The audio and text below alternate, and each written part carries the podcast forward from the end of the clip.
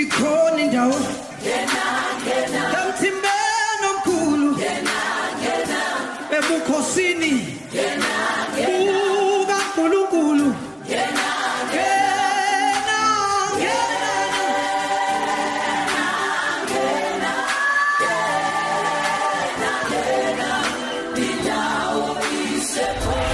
uNkulunkulu nomuntu omusha. Nokwesimoto Ngikuthembisileke ngibhalile lapha enkundleni zokuxhumana ukuthi namhlanje njengoba ke kusuku noma nje ngithi isonto lokugcina kuyona lenyanga kaMfumfu eh uyazi ukuthi njalo ngamasonto okugcina enyangeni eh, siya sibe nesifundo seBhayibheli. Namhlanje yabuya futhi ubuyile uSister Chrysostoma Bele we CBF Catholic Bible Foundation uzosinikeza isifundo sanamhlanje. Kodwa ngo half past 8 ngizokunikeza intshumayelo yanamhlanje. Bishop Thanda Zulu uthi umhlabathi ophethe igolide umbiwa njalo. Umhlabathi ophethe igolide umbiwa njalo uthi mhlasimpe umhlabathi ophethe igolide. Ubona izinto nje zenzeka ngapha nangapha eh ubona ngathi akuhambi ngalendlela ofuna ukuthi kuhambe ngayo ubona bekumba ngapha nangapha ingoba umhlabathi ophethe igolide umbiwa njalo.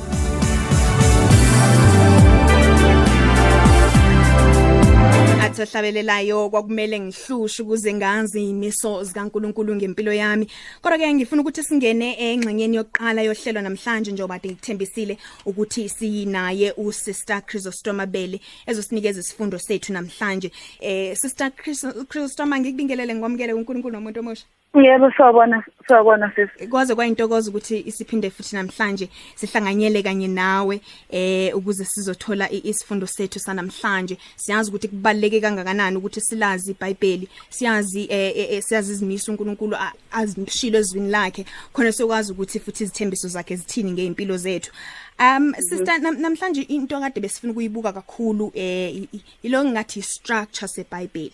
Eh sikhulumile ngokuthi silifunda kanjani eh siqala wasitshela ngendaba ye reference le esezantsi ukuthi ezinye izinto ezibhalwa eh, kwi New Testament bekade zibhaliwe ku- kwi Testament elidala ingakho kuzoba nama reference asezantsi. Namhlanje sifuna ukuthi sibuke ukuthi siyazi ukuthi iBhayibheli eh liyizwi likaNkuluNkulu eh futhi liyinhlanganisela yezincwadi ezi ezingaphakathi kulona eh o Genesis njalo njalo. Kodwa siyazi futhi ukuthi lezi incwadi azibhalwanga ngamavesi ziqala ukubhalwa. Afika kanjani kamavesi? Afika ngoba kwenze njani? Ahlelwa kanjani? Eh ngi- ngingani yami? Uma masikhuluma ngebha- ngeBhayibheli sikhuluma ngencwadi e- e- eqakile nje okwakufanele futhi ukuthi kusebenze abantu abaningi ukuze libe impumelelo ngoba ekuqaleni lalingeyona incwadi njengoba thina silibona. Kwakuyayi ingabhaliwe emaphepheni njengoba thina sazi namhlanje. Lisuselwa ezikhumbeni. Lokwakubhalwe khona i- ilanguage leyo ya- ya- amaHebheru eh isHebheru nanje wasazi futhi ukuthi la isHebheru isGreek isLatin ama language angasekuqaleni ayengahleliwe njengoba usho. So kususelwe lapho kulozokhumba ke eh kulefuna ireferencing ukuthi kuzokwenziwa kanjani. Lokho kwavela ngoba kwasekufanele ukuthi iBhayibheli li- li- lihunyushele kwezinye izilimi ukuze nabanye abantu bakwazi ukulifunda. Manje kwasekufanele ke indle bazolifunda kanjani eh, em, ngezilimi zabo. Kwaqalwa ke manje na ke kwafunwa ba- kwa- kwenziwa izinto eziningi kufuna isystem ezovuma ukuthi abantu bakwazi ukuthi balifunde iBhayibheli. Kwakhona ke kulo ma systems ayezanywa khona azagcina ezanywe u- uCardinal Archbishop Stephen Langton wase wase Canterbury eCanterbury uyena owayizama le- lento seyisebenza manje kodwa wayengeyedwa wayenomunye okwakuthiwa u- uRobert Estienne. Bobabili baqhamuka nalama nale system ke manje. Ayekade eqalezanywa lezi zinto bezama ukubona ukuthi abantu bangakwazi ukuzifunda kodwa bona baqhamuka nento ecishe ibambekeke. Njengoba sesibona ke manje ukuthi ba- baqhamuka nama charter eh baqhamuka namavesi kodwa nalapho ke khona sekunjalo iBhayibheli into eupdate njalo. Kona ke kuyafundeka. Kodwa uma ngingathi nje manje bheka i chapter u chapter 1 evangelini lika Johannes zonke amavangeli zonke izincwadi zeBhayibheli zinalenkinga u chapter 1 bese ngithi mina kuwena bheka u verse 27 ku chapter 1 u verse 27 uzothi yena ozayo emva kwami omchilo wesicathulo sakhe ndingafanele ukuthi ukulula. Uyabona ukuthi ivesi leli? Manje lento makuthiwa yena ozayo alizwakali ngoba kwaziwa ukuthi kukhulunywa ngobani. Ukuze ke wena ukwazi ukuthola ukuthi kukhulunywa ngobani khuphukela ngasenhla uverse 26 uverse 26 ke uzoba sekutshela ukuthi uJohani wabaphendula wathi mina ngibhabhadisa ngamanzi. Umi phakathi kwenu eningamaziyo uyabona ke manje sekukunika ixuku ukuthi oh uJohannes kanti owasho kanje wazichaza. Wayesethi kumi phakathi kwenu. U27 abesethi yena ozayo emva kwami. Siyabona manje uyakwazi ukuxhumanisa. Kodwa uma uzofana usukeleke nje usukela u27 uzongazi ukuthi kuthiwani. Ngiqonda ukuthi ingane yami noma iBhayibheli linje sikwazi ukulifunda kodwa zisekhona izinto efanele siyiqaphele sabantu abasha amasifunda iBhayibheli. Kungathi mawunika umuntu ukuthi akafunde into ufana umnika into nawe ungazange uyibheke ukuthi izaxhumana yini. Ngoba kuzofanakala ukuthi yena afune ukuthi lento omnika yona iqhumana iletha kanjani umyalezo. Ngoba njengoba ngikuchazela ukuthi mawufana ukuthi nje yena ozayo emva kwami yabona ukuthi umyalezo awukho. Omchilo omchilo wesicathulo sakhe engafanele ukuthi ukulula yabona ukuthi ayinawo umyalezo lona sekufanele manje uzibuza umbuzo ukuthi yena lo ozayo ungubani? Uyena banina lo okhuluma kanje? Ngithi yabona. Ilento Eh. esasithema sikhuluma sisiqala ukuthi ungalahlekelwa umongo waloko kufunda ungalahlekelwa umongo wezwi lonke liphelele ngoba usuyiqala lapho phakathi usungasazi ukuthi ubani lokukhulunywa ngaye ungazifakela nawe awakho ama characters Yes, yes, ile ilento enzama ukuthi siyibone sabantu abasho ukuthi iBhayibheli unga ungayi ngobuso kulona ukuthi hayi ngizofane ngithi. Ngoba uzothuthuthi uthatha lonto mhlawumbe uthi hayi angiseze uprepare ngizofane ngithathe kanje. Uthatha into nawe ezokuxaka. Ngoba manje awusazi ukuthi mayisho kanje lento iqonda ukuthini. Ifuna nje ukuthi ube nesineke iBhayibheli ulifunde. Iverse neverse ukwazi ukuxhumanisa ezophumana Athi Apostle Paul imebhalela uTimotheo athi yonke imibhalo iphefumulelwe nguNkulunkulu ilungile ilungele ukufundisa ukusola ukuqondisa nokuyala ekulungeni. Ingakho ke siyasithathe lesikhathi nje njalo ngesonto lokugcina enyangeni ukuthi sibize eh, usister njengoba ke lapha yabesebenza ngalo iBhayibheli besebenza ngako ukufundisa iBhayibheli emphakathini yahlukahlukene eh lapha ya kwi Catholic Bible Foundation. Namhlanje ke sikhuluma naye futhi ngesihloko ke sokuthi istructure seBhayibheli sihamba kanjani eh sizophinde futhi sikhulume nangezinye izinto. Ngifuna ukuthi nawe ke mawungalapha ngasekhaya khona umbuzo nawo namhlanje ku sister ongithumelele lapha ya ku Twitter @cozy_fm @cozy_fm uh, #unkulunkulu nomuntu omusha. Lapha ku Facebook ke uyasithola boniswa moto ngibhalile lapha ku page uzokwazi ukuthi ufike ubone status esibhaliwe ngesihloko sanamhlanje ushiya umbuzo wakho. Ngifuna ukuthi ke sister sidlulele phambili eh sesikhulumile le yamavesi ukuthi eh bahlanganisa kanjalo eh bazama ukuza nesystem ezokwazi ukuthi isebenzele ukuthi abantu bakwazi ukuthi baliqonde izwi likaNkuluNkulu. Abese Mhm. kube khona lo mbuzo eh ngiyacabanga khona umuntu omusha owakwawubuza ngelinye isonto umbuzo wokuthi amazwi ayisikhombisa njengoba siwathola nje eh eTestamenteni elisha lonke eh, noma kumavangeli eh wonke kodwa ahlanganiswe ngendlela thizeni ukuthi lokuqala lesibili lesithathu wobani abawahlanganisa kanjalo bawa- bawa- bawahlela ngaleyo ndlela eh futhi bazi kanjani ukuthi kumele kube ukuthi alandelana ngaleyo ndlela Okay sisi ngiyabonga. Eh amazwi awo ayisikhombisa aseBhayibhelini angisho ase ase ase ase testamenteni elisha kakhulukazi lapha ya wekuhluphekeni nasekufeni kaJesu. Engifuna ukusho ukuthi aka akahlelwanga amakatholika amakatholika adopted ahlelwa elinye amanye elinye ibandla angathithi futhi imaweseli mangingaphosisi kwasebe kuzothi ukuhlelekwa kwawo eh, abonakala efanele ukuthi angasebenza e- ephasikeni ngoba iphasika ngisho nase testamenteni elidala lisho ukudlula kwenkosi angithi uyaqonda. Lisho ukudlula kwenkosi. So manje la eTestamenteni elisha uJesu uwakhulume eselenge esiphambanweni esedlula naye. Angithi yaqonda manje into e- e- engifuna ukuthi uyibambe kahle nabantu abasha. Aka akekho evangelini elilodwa kuhleleka kwawo.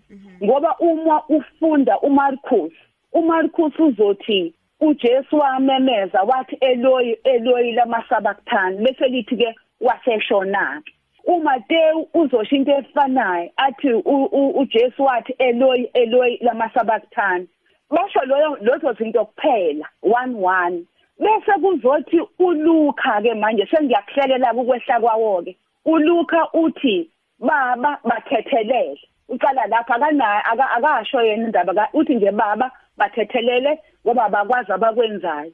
uJesu ulaphi? Usesiphambaneni yalenga abese ezothi namhlanje uzokuba nami eparadise esho kulesasigebengu esathi uzungikhumbula abese ezothi baba ezandleni zakho nginikela umoya wami agebisa ikhanda lakho uJesu ashone. Uyabona ke manje ukuthi laba abanye bathe Eloi Eloi ukuba bekungahlelwa ukuthi alandelane kahle besingagcina sine nezelodwa ukuthi uJesu wathi uNkulunkulu wami uNkulunkulu wami ngishiyelana ukuze ke manje lento ihleleke lamagama alandeleke kwase kuthathwa lapha kuLuke lawa amathathu alandeliswa kahle. Bese kuzothi uJohn athi mame bheka indodana yakho. uJohn kuphela osho loyo nto ukuthi ukuthi uJesu wathi uMaria memphansi kwesiphambano wathi wathi mame bheka indodana yakho wathi legana nangunyoko izwi lika Johann lelo. Abese liphinde ivangeli kaJohann lithi uJesu wathi ngomile. Bese liphinda lizothi kufeziwe ngoba evangelini lika Johann wathi nethi ngomile bathatha ilula lelo bamphuzisa lona lodwa elithi walamukela. Then wayesethi kufeziwe wagelisa ikhanda lakhe washona. Manje alandeliswe kahleke la abantu babantu abasha ngoba uma bengalandeliswa kanjeni besegcina sesithi sikhathi ukufeziwe simuse ekuqaleni. Bese manje lawa amanye amazwi uJesu awasho vele seshonile obe kuzoba inkinga ukuthi akhuluma athi baba bathethelele bevele sekufeziwe seshonile so ukuze lento ilandeleke kahle alandeliswe kahle ukuthi abe nelogic ukukhulumeka kwawo. Kuze kuzofika ke kuleli vangeli elithi wathi ngomile wase wathi masephuzile usebemnikile lokho wathi kufeziwe wagelisa ikhanda lakhe washona. Ngale kwaloko asebhayibhelini ekufeni kaJesu esesesiphambanweni. Alikho izwe elikhona la uJesu alikhulume sahamba ehambe ehlangana nabantu ethini ethina alikho. Lokhu nje esedlula emhlabeni eseshona wakhuluma lawa amazwi manje ahleliwe ke ngaloyo ndlela. Ingakho bengifuna ukuthi ngeke ukuthole evangelini elilodwa ngoba ngike ngahlangana nomuntu owathi yena akekho lamazwi awu7 eBhayibhelini lakhe. Ngathi mina ukwenziweni baba wathi akekho sister mina ngifuna esho efunda uMateyu uMateyu vele akekho. Wathi ukushithi wafunda uMateyu wabona lo lo Eloi Eloi wangasawabona lawa engiwashoyo mina ngoba akekho kuMateyu Ngike ngahlangana eh noma umfundisi uThembeka Simelane ofunda indaba khona la emsakazweni ukhozi FM eh wancoma kakhulu ukuthi hey sister uyaye uyicacise indaba eh yeBhayibheli uyibeke obala ngempela nendlela kade siyibuka ngalo sifunda ngalo. Eh iBhayibheli ithi ukushintsha kancane. Ngiyacabanga ukuthi namhlanje lo mbuzo indlela ophendule ngayo eh isikhanyisela okuningi ngempela ngokufundwa ekakhulukazi kwendlela yokufa kaJesu elaphaya kumavangeli eh njengoba kade uchaza. Siyabonga kakhulu sister. Ngifuna ukuthi ngoba isikhathi sami ngiyabona ngempela siyahamba. Size kumbuzo ogcina namhlanje engifuna ukuthi siubheke indaba yokuthi kukhona amabhayibheli anezincwadi ezu66 abese kube khona amaBhayibheli angithi abaya nezincwadi ezu73 mhm. Lezi ezinye sesike seziqhamuka kuphi sister kwenzeke kanjani ukuthi kuze kube khona loku le- lento engathi ngesingisi discrepancy? Eh lalela ke sisi uyabona iBhayibheli libhalwe lento kuthiwa ni canonical into eyaba ngokuthi kufanele ukuthi li- li- li- limanifundwa lifunzwe ngendlela ezofana. Emabandleni wonke ngabe khona odavuzayo osifundela into yakhe nosho into ayithandayo nethi into ayithandayo. So kwase kuba nesidingo sokuthi akube khona icanon ezokwazi ukuthi iliguide imise ukuthi nazi izincwadi ezifundwayo zeTestament elidala nazi izincwadi ezifundwa zeTestament elisha. Ngokulandela manje i- i- inkinga ke kwaba ukuthi iTestament elidala libhalwe ngesiHebheru I- inkinga kwabe language nje ibhalwe ngesiHebheru manje isiHebheru leso sasithathe kanje inkolelo yayithi njengoba le lamajuda noma uNkulunkulu a- akhetha isizwe samajuda eh kwisizwe esikhethwe uNkulunkulu lesi kufanele ukuthi nali izwi likaNkulunkulu libhaleke ngesiHebheru manje lezincwadi za ezeTestament elidala zinto eziwu39 nje lezi eziwu39 njengoba uthi zu66 ezinye u39 ngala eTestament elidala kwamanye amaBhayibheli awayekade evele ebhalwe ngesiHebheru okwacaca ukuthi these are only books ezi inspired by God ngokwamaHebheru. Ngithi uyabona manje ukuthi bathi nazi ezikaNkuluNkulu ngoba zibhalwe ngolimi lwesiHebheru okuwulimi labantu abakhethwe uNkulunkulu so zathatheka kanjalo. U- ubona ke manje ingekho inkinga la kuNew Testament. Ingoba iNew Testament vele yafanele yabhalwa ngesiGreek kanti lezincwadi eziwu7 ezingekho la kulo 39 zabhaleka ngesiGreek kanti zi Old Testament. Kwase kuba khona ukungabaza ngazi ukuthi zi-inspired by God yini njengoba zibhalwe ngesiGreek ngoba phela babazi ukuthi isiGreek ulimi lwabezizwe uNkulunkulu akahlanganisi lutho nabantu bezizwe ngithi yaqonda. So ke manje zibhaleke ngesiGreek zi-Old Testament kuthiwa mase kuhlangana sekuhlelwa kahle ukuthi kuziziphi ezizongena la kwi-canon. Bangazivuma ke abanye lezi eziwu7 ngenxa yokuthi zibhalwe ngesiGreek and yet ziyi-Old Testament bekufanele ukuthi ngabe zibhalwe ngesiHebheru ngoba uNkulunkulu uNkulunkulu wakha izinto zakhe noma isizwe sakhe noma ini ngalolu limi. Bese kuzothi lana kulezi ezintsha eziwu27 ubona abanye be39 plus plus 7 plus 7 bese ezinye ziwu66 ezinye ziwu73 njengobusho ngala kuleli ilokhuzana elinye ivangeli noma elinye uhlelo izincwadi lezi eziwu7 amakatholika azi zamukela wona njengezincwadi ezi-inspire show uNkulunkulu. Ukhumbule ukuthi zathi i-Old Testament. kwi-Old Testament umongcwele wawungakathintwa ngoba umongcwele ufike no no no no no Jesu nokufa nokuvuka kaJesu. uJesu masevula khuluma ngomoya ingcwele ingakho manje iTestament elisha lingazange libe nankinga ke lona ngoba lafanele abhalwe ngesiGreek kwasekuqaleni.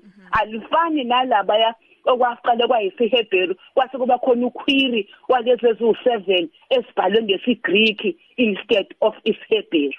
Lezi ke zesiGreek ke zo 27 27 azizange zibe nankinga ngoba zase zibhalwa ngehlo lomoya oyingcwele uJesu ayekade ekhulume ngawo oyekade ethe uzofika uzo uzokwenza umsebenzi. Akunankinga. Lapha ekuqaleni nje yinye into eyaba ngesiphithiphithi ilanguage.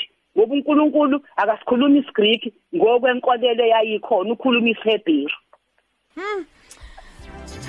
Yabona sister eh ngiyabona nalapha ku Twitter bayancoma ngempela ukuthi eh uyayicacisa le ndaba uyibeka kahle size siqonde nathi. Ngibona bani la u- uphil- uphilani eh manqele uthi sis- eh, boniswa mina ngicela ukubonga nje ku sister eh uyichaza kahle indaba. Uthi nami ngaze ngayibona le ndaba yamazwi ayisikhombisa ngicabanga ukuthi nalo mbuzo eh uqeda kusichazela wona namhlanje eh sesiyakwazi ukuthi siqonde ukuthi kwaku kwakuyipolitiki nje ye- ye- ye- ye- yolimi eh njengoba sibona ukuthi kwi New Tes- Testament akubanga khona nqushu nqushu incwadi zakhona zonke ziyafana kodwa kube khona umehluko eh, kwi Old Test- T- Testament. Siyabonga kakhulu sister eh o- o- lakho lokugcina nje mhlasimpe ukuvala ingxoxo yethu namhlanje uyazi nje nobo- a- awu- ngeke ukhole ukuthi ngifisa nga- kangakanani ukuthi abantu abasha ke bahlanganele bengahlangana khona nkosi yami singaya thina siya noma ilaphi thina sikhethile. Futhi asikhethe ibandla ngebhayibheli ngoba ibhayibheli akulonele ibandla elithile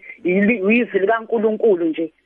Siyobafundisa nje nga- ba- bafike nemibuzo yabo mabethanda kodwa nathi siphathe ezinye izinto esingabafundisa zona. Ngeke sibafundise ngento yasemaromeni ngeke sibafundise ngane uma ngabe bexubene. Sobafundisa nje ngebhayibheli. Baphume belazi ba abantu abasha ngoba bayalidinga ezimpilweni zabo. Siphile esikhathini la wonke umuntu ekhuluma ukuthanda kwakhe. Khona abathi uNkulunkulu akekho khona abathi ingalena mawusufile ufile uphelile. Yonke lenyaka nyaka ekhulunywayo iBhayibheli izwi likaNkuluNkulu okuphuthela umunyango eliyidoor after death. Abanye bathi akukho na after death lokho. Akunandaba ke kodwa abaliqonda iBhayibheli ukuthi lithini ngempilo yomuntu lithini ngokufa komuntu lithini ngokuphila emva kokufa komuntu. Mabe ama Christians they must understand these things Ngiyacabanga ukuthi ke ezinye zezihloko esizobe sizibuka kulezi nyanga ezilandelayo sister njengoba siya sibe nawe kule ngosi nje njalo eh makuphela inyanga siya- siya- siyajabula kakhulu ukuthi uyakuthathe lesi sikhathi uzoba nathi uzokhuluma nabantu abasha abaningi abagcwele iningizimu Afrika nomhlaba wonke jikelele. Eh siyathemba ukuthi kodwa ngelinye ilanga ke siyokwazi ukuthi sibahlanganise ngaphansi kwe kophahlo lodwa sikwazi ukuthi sikumeme futhi uzosifundisa ngesifundo seBhayibheli. Siyabonga kakhulu sister ube nobusuku obuhle. Ngiyabonga sister ngilale kahle. Nani niqhubeke kahle nezinhlelo zenu. Siyabonga. Eh,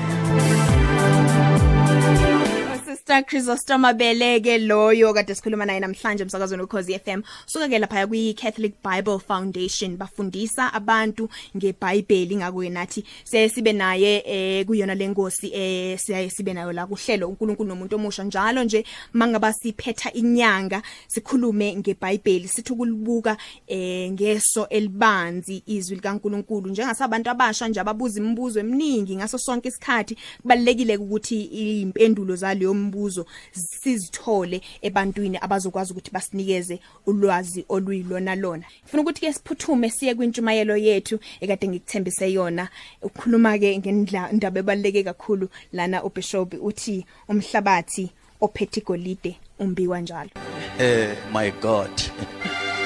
Eh, Exodus chapter number 2 verse number 11 to verse eh, to verse number 21. Kwathi ngalezo zinsuku uMose esemkhulile waphuma waya kubafowabo wabuka imithwalo yabo.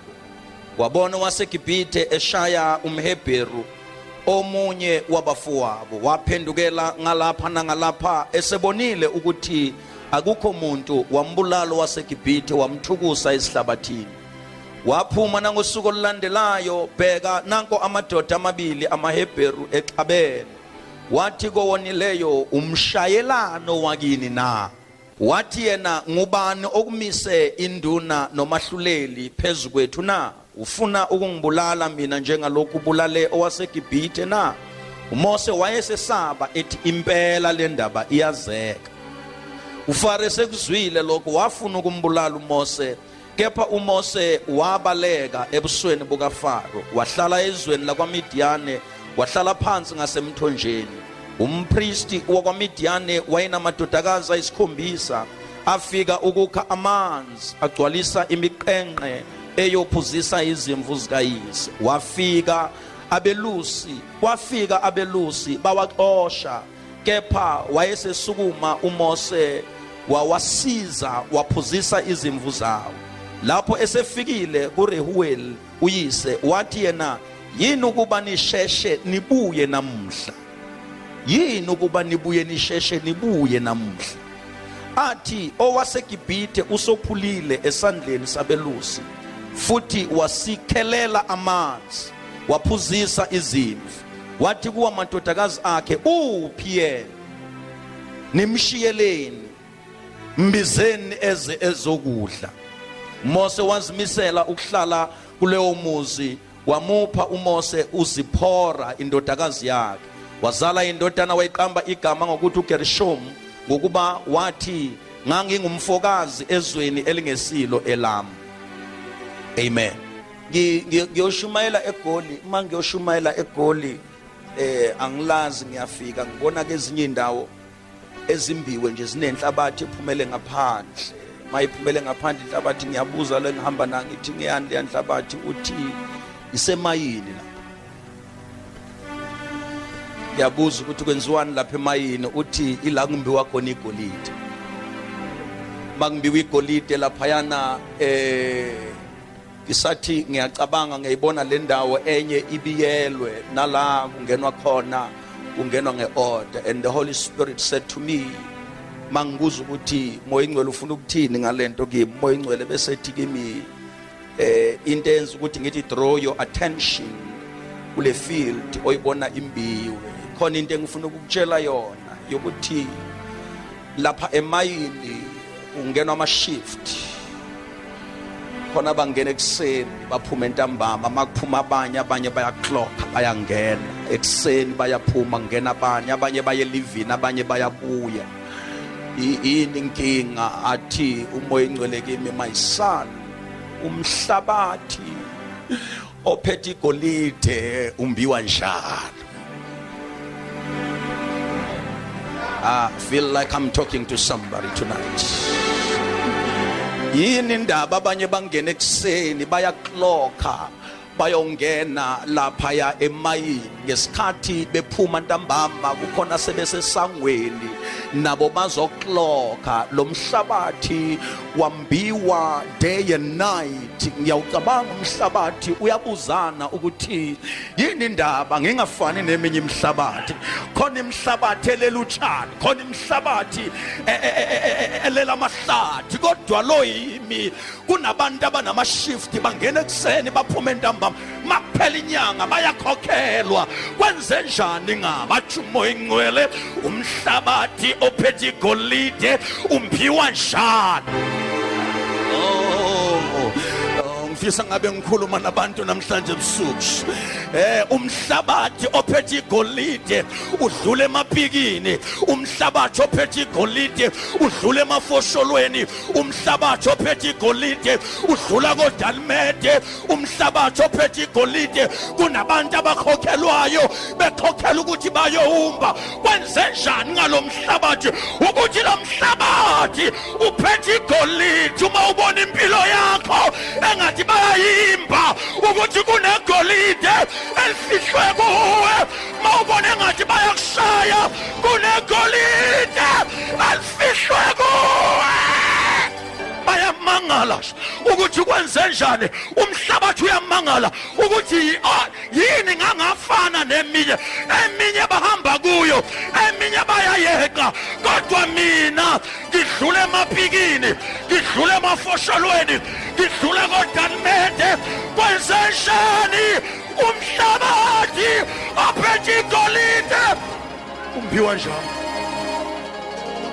And umhlabathi ophethe igolide. There are people who are getting paid. Aya, angizwa mina awungizwa ngizwa ngizwa ngithi mina kunabantu abakhokhelwayo ukuthi kuzolinyazwa wena.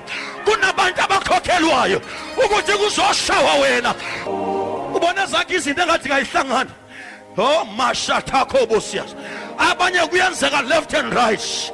Yini indaba kwakho ngathi akuhlangane umhlabathi ophethe igolide. Ngana bangizwa laba bantu? Angithi lo mzimba okuwo wathathwa wathi emhlabathini wenziwa ngomhlabathi wabunjwa ngomhlabathi. Wena umhlabathi wena mawubona inkinga mawubona izimpi mawubona into ezikushayayo ukuthi umhlabathi ophethe igolide. It's not about you, but it's about gold that is hidden in you. Awukuba benguwena mina. Babe nguwena namhlanje. Ukuthi wena uzazi ukuthi unevele engakanani. Ivelu yakho uzoyibona ngezimpi ngama-challenges odlula kuwona. Ivelu yakho uzobona ngezimpi odlula kuzo. Ubusho uthi no no no no no. Mina kahle kahle ngingumhlabathi. Athi umbhali webhayibheli ngokuba le ngcebo sinayo kodwa iseyitsheni zebumba. Lengcebo yona ikhona iseyitsheni zobumba. Ikhona yona impumelelo ukuthi iseyitsheni ezibuthakathaka.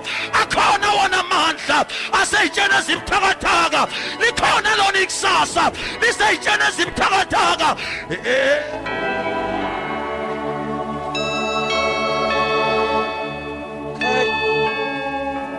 Sivale sivale. Sivale. Kodwa umhlabathi ophethe igolide umbiwa njalo. Ekuseni uthi ifosholo uthi usabekezela ifosholo emini yipiki uthi usathi yipiki ntambama udalimet hayi hayi hayi hayi hayi hayi. Lalela umhlabathi onegolide umhlabathi la khona khona igolide uprotected. Noma ungambiwa kodwa uprotected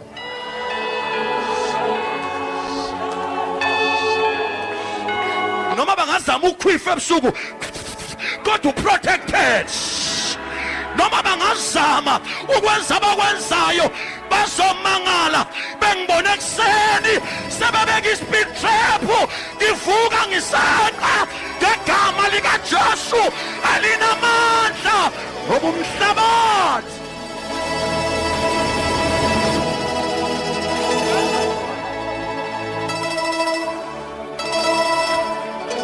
umhlabathi ophethe igolide.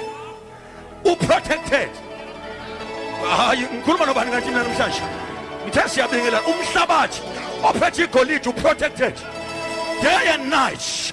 Noma ungebone kodwa kunama-security kunama-security ezulu wena uthi ulele wona behlenyuka wena uthi uphupha wona behlenyuka wena uthi ungazi ukuthi kwenzakalani. Umhlabathi. Phethe igolide noma wona ungadlula emapikini kodwa kuhle ngawo ukuthi uprotected. Asabo khondor bushiyatha ayifini ngabe ngikhuluma kusambali lalela lalela lalela makuzongenwa nabazomba nabazomba. Kufanele babe nekhadi lokuclock bathi sicela imvumo yokungena. Awungizwa awungizwa ngifuna ukuthi mina kuwe nezitha zakho before zikuchallenge kufanele iqale ziyokuloka yikho umbhalo webhayibheli. Athi uma yayibhalela athi asike isikhali esenzelwe wena esiyophumelela athi lokhu kuyifa. Labangcwele asikho.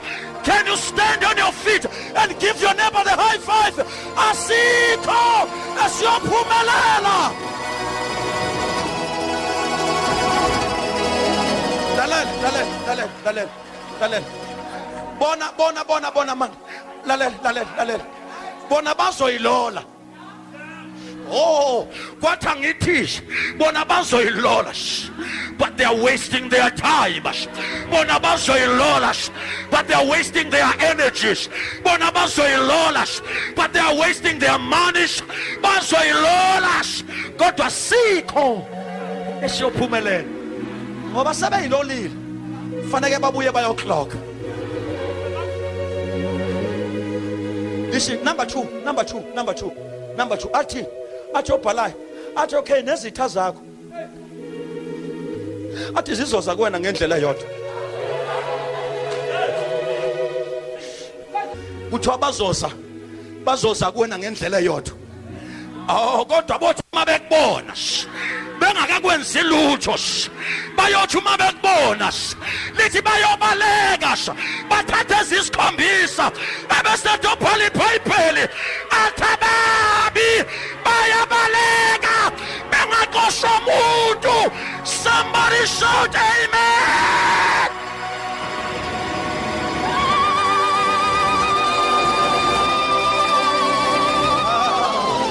Lalela lalela lalela lalela kuthiwa zona zizoza hayi hayi hayi hayi kuthiwa zona zizokwenza njani? Usilokhu ukhala ziyeke zize. Ngoba amandla akhe abonakala ekuzeni kwazo hayi hayi hayi zona zizokwenza njani makhona zobe ihamba ngendlela futhi zobe zine agenda. Awukodwa ngiyamthanda umbhalo weBhayibheli ngiyamthanda uNkulunkulu. Masikubona ungakasho lutho masikeza kubona nje. Siyobona inkazimulo siyobona amandla siyobona ukunqoba siyobona igazi siyobona ukuphila. Lithi iBhayibheli siyobaleka siyobaleka. Singaxoshwa umuntu sibalekiswa yini? Asiki sitha. Aliki demoni aliki devil worship. Aliki satanist. Elingaku-attack lingaxokhanga ake ake ngizame ngalento engishoyo. Ma usathane efuna ukuyohlasela ujobe qale wayoklokha e-ofisi elikhulu. Qale waklokha e-ofisi elikhulu. Sathane uvelaphi ngivele ekuhambeni komhlaba. Uthi unkulunkulu awu ngiyabona inhliziyo yakhe imjongele ujobe umntwana. Uthi usathane ngamenzani ujobe wabona umbiyela hayi wena ukuba bewazi ukuthi ubiyela ngizomenzani ujobe ngoba umbiyela nakho konke anakho. Hayi webazalwane webazalwane webazalwane hayi mani sibiyelwe thina.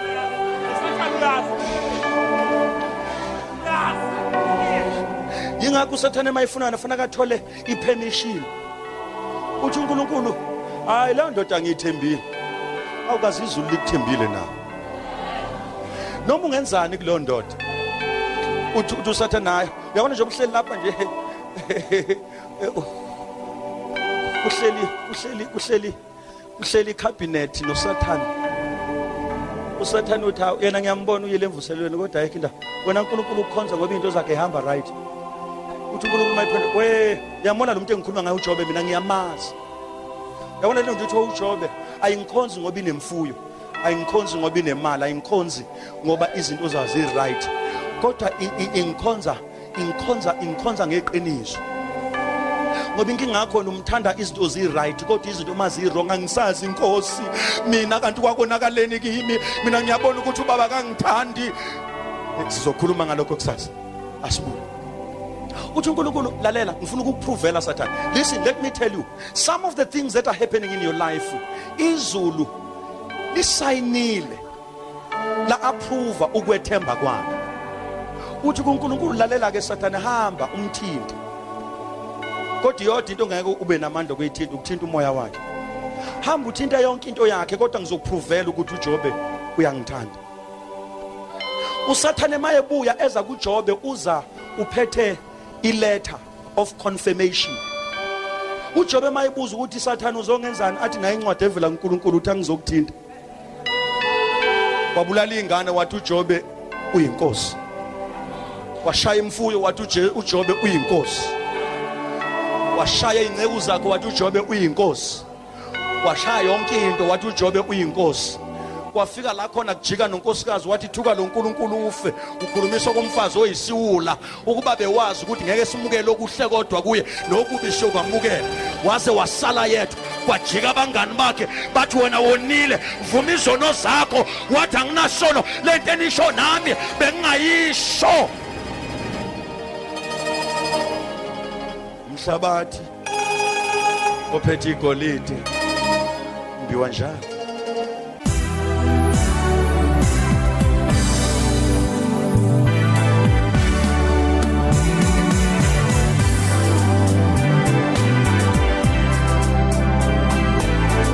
Sibonge kumageba sibonge uBishop Uthanda Zulu eh ngempela ke namhlanje. Uthi umhlabathi ophethe igolide umbiwa njalo kanti futhi uprotected unjalo nje lo mhlabathi. Uvikelwe ugadiwe athi ohlabelela kahle e- emini ebusuku usigadile isandla sakhe siphezulu kwethu ngoba siumhlabathi ophethe igolide. uNkulunkulu nomuntu omusha. Noboniso Moto.